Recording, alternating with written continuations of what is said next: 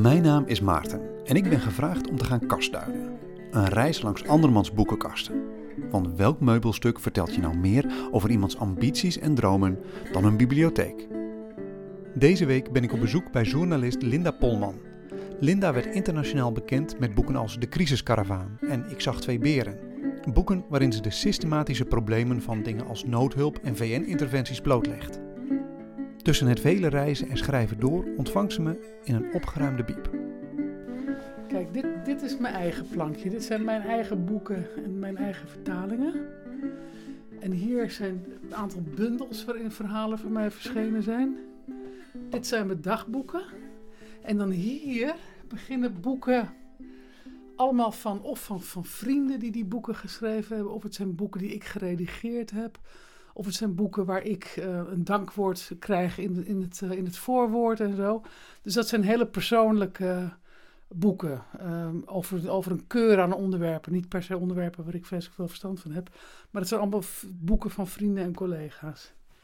En dan verder heb ik een beetje op, uh, op onderwerp zitten, zitten selecteren. Dat zijn allemaal dossiers waar ik op zit. Dus uiteindelijk, ik, ik weet wel hoe, hoe ik die boeken terug moet vinden. Maar een vreemde zou zeggen van waarom zet je dat niet anders neer, denk ik. Jij bent een lezer die leest om te schrijven? Ja, daar, daar komt het op neer. Ik zit met een soort permanent um, uh, schuldgevoel en een permanent gevoel van onvrede. Omdat ik vind dat ik veel meer zou moeten lezen en veel breder zou moeten lezen. En ik moet de wereldliteratuur tot mij nemen. En het komt er niet van. En daarom is deze boekenkast ook zo leeg. Ik heb deels om dat schuldgevoel van ik lees niet genoeg weg te nemen, heb ik gewoon alles weggeflikkerd boeken die me al twintig jaar aanstaarden. En ik moest ze lezen, maar ik kwam er niet toe. Dus uiteindelijk heb ik, uh, ben ik gewoon boos geworden. Ik heb ze weggegooid. Dus vandaar, ik denk dat ik drie kwart van al mijn boeken heb weggegooid. Ja, ja, ja. Dus ja, nee, dat, dat is het dus. Ik lees, ik moet de hele dag lezen en schrijven, omdat het mijn werk is.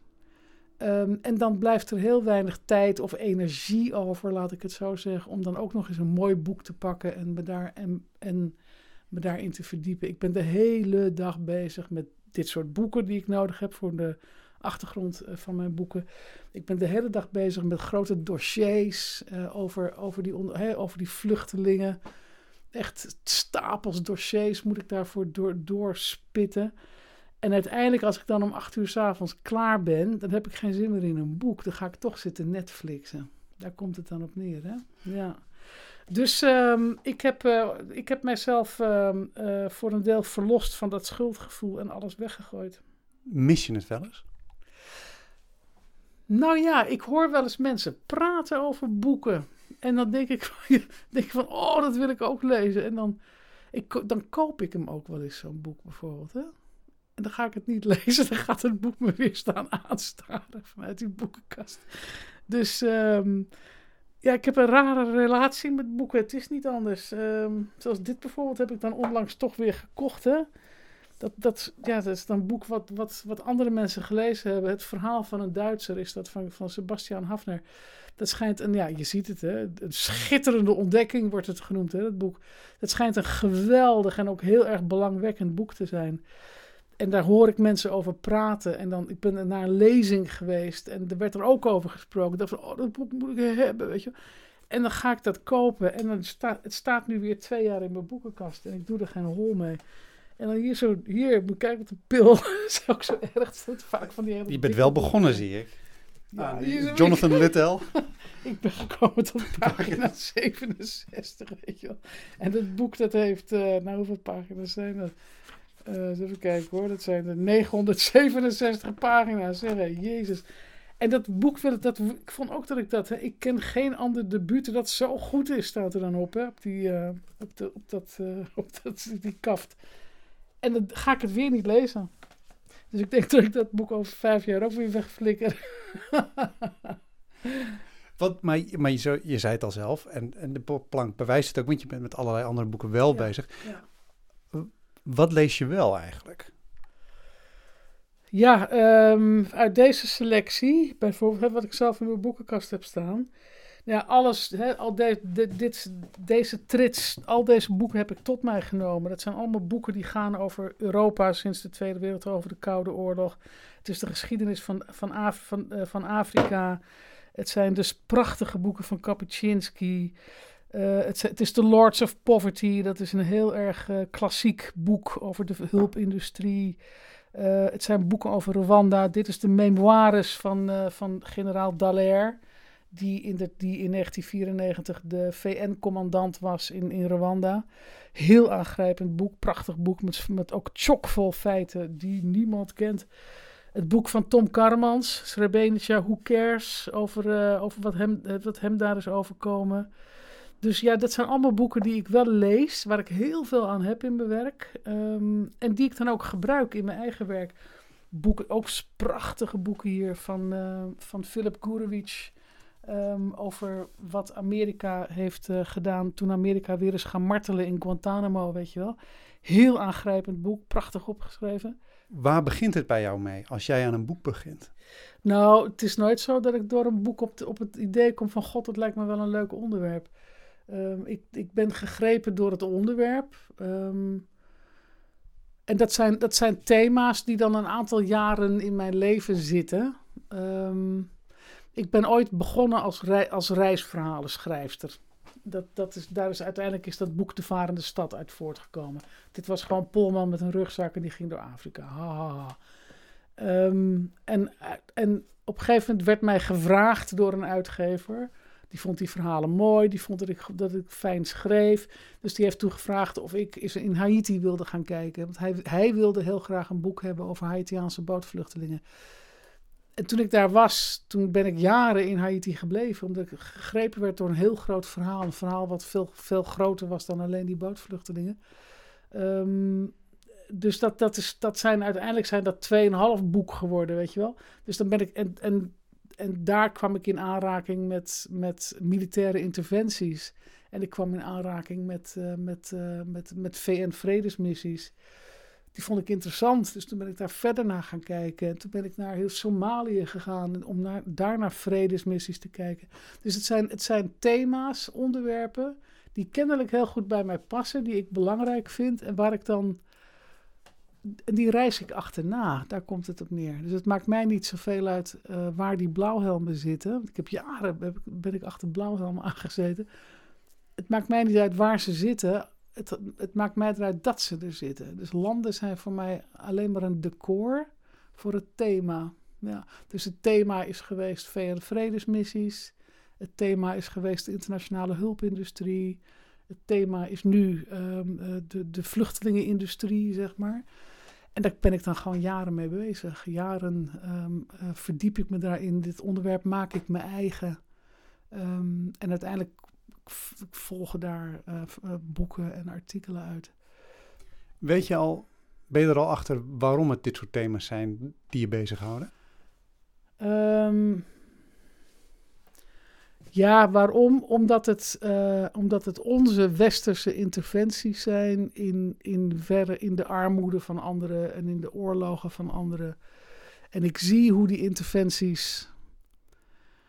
Uh, ik, ik begrijp waar, waarom die interventies gepleegd worden. Ik begrijp daar het egoïsme achter. Het is, het is uh, als wij ergens een, een, een, uh, een hulpkaravaan op afsturen, als wij onze hulpgelden naar, naar een arm land sturen, dan heeft dat zelden of nooit te maken met het feit dat kindertjes daar honger hebben. Het heeft altijd te maken met onze eigen politieke agenda, onze eigen militaire agenda.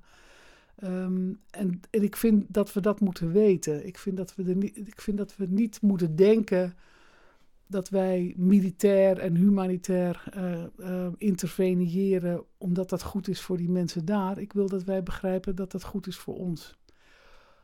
Omdat we dan, als we, dat, als we die kennis hebben, als we dat weten, dan, dan, dan kunnen we andere keuzes gaan maken. Maar als we in die onwetendheid verkeren van, oh, wij zijn de humanitaire redders. Kijk, we gaan de blauwhelmen naartoe sturen, nu komt het goed, weet je wel ik, ja, dat, dat schiet daar niet op, want dan blijven die fouten gemaakt worden en dan blijft dat interveneren blijft, um, blijft egoïstisch. En het is niet in het belang van mensen daar, maar het is in ons eigen belang. En dat, dat vind ik verkeerd. Ik vind dat wij dat moeten weten. voel je je persoonlijk verantwoordelijk? Mm, Want hoe werkt dat? Eh, Eerst was je er, met een rugzak door Afrika eh, en opeens dan is, het, is, het op, is dat, nou ja, laten we het engagement noemen. Is, het, is die betrokkenheid bij die onderwerpen, is dat eigenlijk plots zo gekomen? Of was het er altijd al, maar werd het daar wakker gemaakt? Hoe, hoe, ja, ik denk dat laatste. Ehm, ik ben ooit per stom toeval ben ik in een VN-missie beland. Het was de VN-vredesmissie in Somalië. En dat was in 1992 was dat. En dat was echt, echt heel erg toevallig. Ik kende een freelance fotograaf, dat was een Brit. ehm, en die, en die, die kende ik uit Haiti. Eh, die had ik daar ontmoet. En, die belde, ik was, ik was terug in Amsterdam en die belde mij op een avond. En die zegt, eh, Linda, hij zegt, ik bel even om afscheid te nemen. Hij zegt, ik kan niet meer bestaan als freelance fotograaf. Dat, dat betaalt gewoon niet genoeg. Hij zegt, ik heb een baan, heb ik geaccepteerd. Bij een cateringbedrijf in Somalië. En toen zei ik, van, ja, dat is hartstikke leuk voor je, fijn. Eh, be- bel als je weer thuis bent. En ik hang op en ik, denk, ik ben altijd heel langzaam. Hè? Pas toen ik uren had opgehangen, toen dacht ik van een cateringmaatschappij in Somalië. Ik wist niet waar Somalië lag, maar ik wist wel dat daar honger was. Dus hoe dat dan zat met het cateren en met Somalië, dat is voor mij de aanleiding geweest om daar gewoon maar naartoe te gaan en om die jongen te gaan opzoeken. Van wat is hij daar in godsnaam aan het doen? Dat heeft, ik ben daar inderdaad terechtgekomen. Ehm ik, ik, ik, op de een of andere manier kwam ik in Somalië terecht. en ik belandde daar in het midden van die, een, van die gigantische vredesmissie die daar aan de gang was. En heb ik heel lang heb ik daar gewoon gewoond in die missie. Ik, ik kreeg van een paar aardige meneren kreeg een container. Daar mocht ik inwonen. Een container met een tafel erin en een bed erin. En ik heb gewoon weken heb ik in dat VN-kamp gewoond. En, en daar ont, ontvouwde zich een enorm verhaal. Ik, ik zag daar al die blauwhelmen en al die nationaliteiten en die belangen. En ondertussen kon ik op, op tv kon ik CNN zien. En op CNN werd een heel ander verhaal verteld. Ik denk, hoe kan het nou? Ik zie met mijn ogen dat dit gebeurt. En op CNN zeggen ze dat. Dat vond ik zo fascinerend. Dat ik dacht, dit, dit is het. Dit, dit wil ik begrijpen, dit wil ik zien, dit wil ik checken of dat in andere landen ook zo is. En ik, vond dat zo'n groot en belangrijk onderwerp. Dus ehm, ik heb uiteindelijk die jongen trouwens ook gevonden. Hij werkte inderdaad voor een cateringmaatschappij. Want in die VN-vredesmissies zitten hele grote aannemersbedrijven. Die, of die tentenkampen bouwen. Maar ze, die blauwhelm moeten ook allemaal eten. Dus het was inderdaad een, eh, een van de drie gigantische cateringmaatschappijen die, eh, die eten kopen en, en verkopen aan, aan blauwhelmen. En daar werkte hij voor, ja. Ehm, jij zei net, hè, ik, wou het, ik wou dat begrijpen. En dan denk ik, ja, wat is het dan dat, dat je wil begrijpen? Want ik hoor eigenlijk heel veel verschillende dingen. Het is, het is de, de, de wanhoop. Uh, het, is, is het, het is ook de, de, de, de enormiteit van zo'n interventie. Ook, het, het klinkt ook als de, een, een soort sluier die over de werkelijkheid wordt getrokken tussen hè, wat er daar gebeurt en wat je er dan ziet. Wat was dat dat dat jij probeerde te begrijpen? Nou, bij die blauwhelmen was dat heel duidelijk voor mij. Ik begreep niet uh, het verschil tussen wat ik zag op CNN over die missie. Ik, ik zat in die missie ik kon op CNN kon ik zien wat de Amerikaanse tv erover melden. En wat ik daar daadwerkelijk zag. En dat was dat op de Amerikaanse tv en dus ook in, in, op de Europese tv-zenders en in Europese kranten. Daar kreeg de VN kreeg de schuld van het enorme falen van die interventie. De, dat was de, het falen van de VN, de schuld van de VN. Zie je wel, de VN deugt niet. Zie je wel, bureaucratische troep en geld over de balk smelten, smijterij en laffe blauwhelmen en noem maar op. Dat, dat is wat er, wat er aan de wereld verteld werd over die blauwhelmmissie. Terwijl wat er in feite aan de hand was, dat was dat er daar een zootje blauwhelmen naartoe zijn gestuurd. Zonder, zonder passend mandaat, zonder wapens, zonder training, zonder wat dan ook. Um, die zijn daar naartoe gestuurd door een veiligheidsraad die wordt gedomineerd door de Verenigde Staten. Die mensen worden daar gewoon zo hoppa uh, naar, naar die oorlog in Somalië gestuurd. De Verenigde Staten zeggen, maar, maar wij zorgen ervoor dat jullie verdedigd worden. Wij hebben de wapens, jullie kunnen daar naartoe en dan gaan wij die, die missie verdedigen. En Amerika smeert hem gewoon. En wat je dan terugziet op tv is dat de VN faalt, weet je wel, dus dat. Dus dat die enorme ehm, focus van de wereld op de VN als falende organisatie, terwijl het de lidstaten zijn die falen. En dat vond ik een heel belangrijk mechanisme om dat te communiceren met, met, met lezers. Ehm, dat als je die verantwoordelijkheid niet legt waar die thuis hoort, namelijk bij die lidstaten van de VN, dan kun je die VN eindeloos laten falen, omdat niemand weet wat de werkelijke mechanismes daarachter zijn. En daar schiet dus helemaal niemand mee op als je die VN maar laat falen en falen en falen. Ja, dan kun je ze blijven sturen en ze blijven falen en ondertussen gaan er daar kindertjes dood van de honger.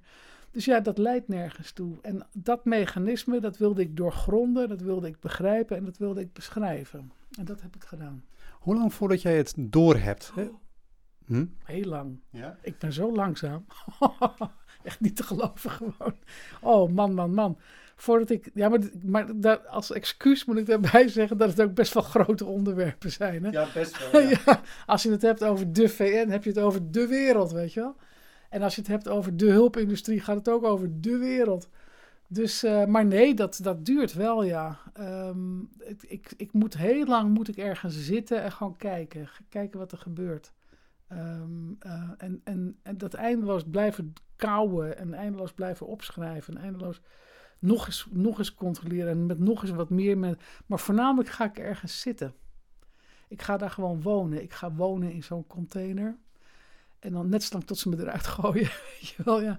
En dan uh, met die hulpindustrie. Ik, heb, uh, ik denk dat ik wel drie jaar in Sierra Leone heb gewoond, weet je wel. Omdat daar die hulpindustrie neerstreek.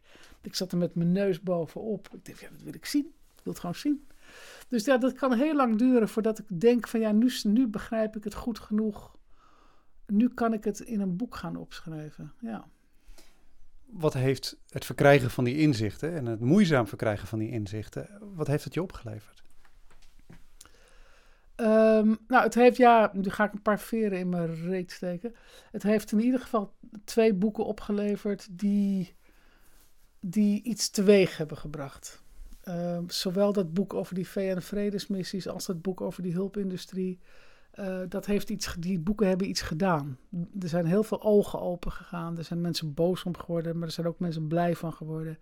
Mensen hebben er wat van, geleerd. Die boeken worden gebruikt op militaire opleidingen op, uh, op opleidingen voor diplomaten, op universiteiten. Dus, zijn, dus die boeken die, die hebben een impact gehad. Ik wil helemaal niet zeggen dat de wereld beter is geworden, maar die boeken hebben wel op, op een aantal mensen hebben die boeken impact gehad. Dus uh, dat is, uh, ik vind dat heel waardevol.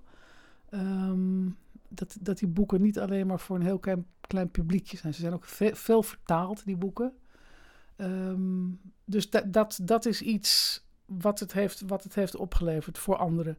En voor mij, ja, ik heb uh, ik, ik, een miljoen avonturen. Ik heb verschrikkelijk veel gelachen. Uh, ik heb heel veel geleerd. Ik heb prachtige dingen gezien. Ik heb zoveel fascinerende mensen ontmoet. Ik, ik, heb mezelf ontmoet, weet je wel. Dus voor mij heeft het in, mijn, in mijn eigen leven heeft het ook allemaal heel veel gedaan wat ik zo grappig vind, is dat aan de ene kant je, je met hele duidelijke, zware, maar hele menselijke onderwerpen bezighoudt. Het gaat allemaal over leven en dood.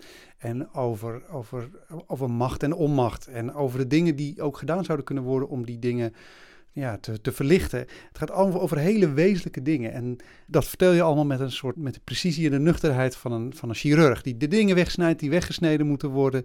Die recht op het doel afgaat waar het na, naartoe gaat. Um, Klopt dat beeld? Hè, die nuchterheid, is die er echt? Of zit daarachter stiekem toch een soort hippie die die nuchterheid gebruikt om al die hoogstaande doelen te bereiken? Nou, kijk, mijn uiteindelijke doel is wel de betere wereld, maar die ga ik niet creëren. Maar dat is wel waar ik aan probeer bij te dragen. Ja. Ik wil wel, ik denk dat de wereld beter kan. Uh, dat het allemaal mensenwerk is. En, dat, en, dat, en als ik daar een bijdrage aan kan leveren door het juiste verhaal te schrijven, wat uh, mensen harten raakt, dan zal ik dat niet nalaten. Maar het is niet zo dat ik vind dat het mijn verantwoordelijkheid is om de wereld te verbeteren. Um, ja, weet je, weet je wat het ook is? Uh, zelfs in de meest vreselijke, ik heb echt vreselijke dingen meegemaakt, maar zelfs in de meest vreselijke omstandigheden, die, ze gaan voorbij. die vreselijke omstandigheden. Uiteindelijk ga je dan toch weer door met je leven. Ehm, en uiteindelijk valt er ook wel weer heel erg veel te lachen overal. Ik heb ontzettend veel gelachen ook in al die jaren. Kun je een voorbeeld geven? Ja, nou ja, een, een van mijn leukste periodes in mijn leven is geweest mijn tijd in Haiti bijvoorbeeld. Dat, dat, daar heb ik zo van genoten. Ehm, terwijl, terwijl je dan in het, in het armste land van het westelijke halfrond zit. Terwijl, en dat was in de tijd dat de, dat de generaals nog elk jaar de macht grepen van elkaar, weet je wel. Dat was in de tijd dat er lijken op straat lagen. In de tijd dat er, dat er, dat er geen medicijnen meer waren. Dat mensen gewoon dood neervielen omdat er geen medicijnen waren. Embargo van Amerika. Mensen kregen honger. Uh, het was echt verschrikkelijk. Maar ik heb daar ook, ja, tegelijk, het klinkt verschrikkelijk, maar tegelijkertijd heb ik daar zoveel plezier ook gehad om, ook omdat je altijd een buitenstaander bent. Altijd. Ik ben niet degene die daar dood ligt te gaan, omdat ik geen medicijnen ben. Het is wel mijn taak om, om dat op te schrijven, om dat te zien en om dat te vertellen aan de wereld. Maar ik ben het niet. Begrijp je, wat ik zeg? Um, en, en, ik, en dan ben je met bijvoorbeeld andere journalisten die en dan s'avonds ben je dat toch aan het verwerken met z'n allen. En dan ben je het, je, je, je, hebt het erover en uiteindelijk moet je dan ook wel weer lachen of zo. Een ander voorbeeld is, um, moet even nadenken, wel, ja, dat is dit boek geweest, ja. Dat is het boek over die VN. Ik ben, uiteindelijk ben ik in Rwanda terechtgekomen om, om daar de VN-missie te beschrijven, de Blauwhelm-missie te, te beschrijven. Daar ben ik terechtgekomen in een, in een, uh, in een, uh, in een, in een slachting uh, ja, dat deden ze toen in Rwanda. Dan, werden er echt, zijn voor, voor mijn ogen zijn er toen tenminste 3000 mensen in de pan gehakt met machetes en met, en met granaten. Het was een, belegering van het stadje Kibeo. Um, dat, is, dat is verschrikkelijk geweest. En daar liep, daar liep ik doorheen. Ik heb met die lijken lopen sjouwen en ik heb, ik heb gewonden verbonden. En dat was ik, ik beschrijf dat allemaal in dat boek. Um, en dat was eigenlijk de enige keer dat ik, uh, dat, toen ik, ik ben toen weer thuisgekomen daarna, snel, snel daarna ben ik naar huis toe gegaan. En toen zat ik thuis en, en, en toen dacht ik van, ja, hoe kan dat nou? Eigenlijk, eigenlijk lijkt het erop alsof ik er best mee kan leven met wat ik net heb meegemaakt. Dat is vast niet gezond. Um, en toen ben ik naar een, eh, een, psycholoog geweest, een psycholoog van het Centrum 4045. Die doen oorlogstrauma's, zeg maar. Uh, en toen heb ik daar gesproken met een psycholoog, dokter Schwartz heette die. Um, en uh, ik zei van dokter, ik maak me zo'n zorgen over mezelf. Uh, heb, heb, heb, ik een trauma? En toen zei hij, ja mevrouw Polman, u heeft een trauma. Hij zegt, de mens is een emmer. hij zegt, hij zegt de, uw, hele, de, uw hele leven lang, alles wat u meemaakt, dan wordt er wat in die emmer gegoten. Hij zegt, dat kan alles zijn. Hij zegt, het kan een ongeluk zijn, het kan een verhuizing zijn, het kan de, het overlijden van uw ouders zijn. Uh, het, kan, uh, het de tram die te laat is, kan het zijn. Het zegt, hij zegt, maar het kan ook een slachting in Kibeo zijn. Hij zegt, en het enige, het enige moment waarop een trauma een probleem wordt, is als die emmer vol zit en gaat overstromen. Dan, dan, heb, je een, dan heb je een probleemtrauma. Hij zegt, maar uw emmer zit gewoon nog niet vol. En daar kon ik mee leven. Ik dacht, ja, zo zit het. Mijn emmer zit niet vol. Kennelijk kan ik die ervaringen nog steeds absorberen. En, uh, en misschien dat die emmer op een dag wel vol zit. En dan komt alles eruit. en ik hoop maar dat dat niet gaat gebeuren.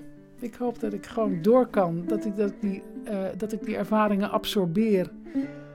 En dat ik daar het mijne mee doe. Um, dat ik die opschrijf en dat ik die deel met anderen. En, en dat die emmer nooit vol raakt. Daar, daar, daar ga ik dan maar vanuit. Dit was de twaalfde aflevering van Kastduinen. Kastduinen is onderdeel van de Slaakast, een podcast gemaakt in opdracht van de Stichting Literaire Activiteiten Amsterdam. Abonneer je voor meer verhalen, gesprekken en avonturen in literatuur. Je kan ons vinden in onder andere de iTunes Store en op Stitcher. Zoek op Slaakast, S-L-A-A-C-A-S-T en klik op abonneer. Goed, dat was het. Tot de volgende keer.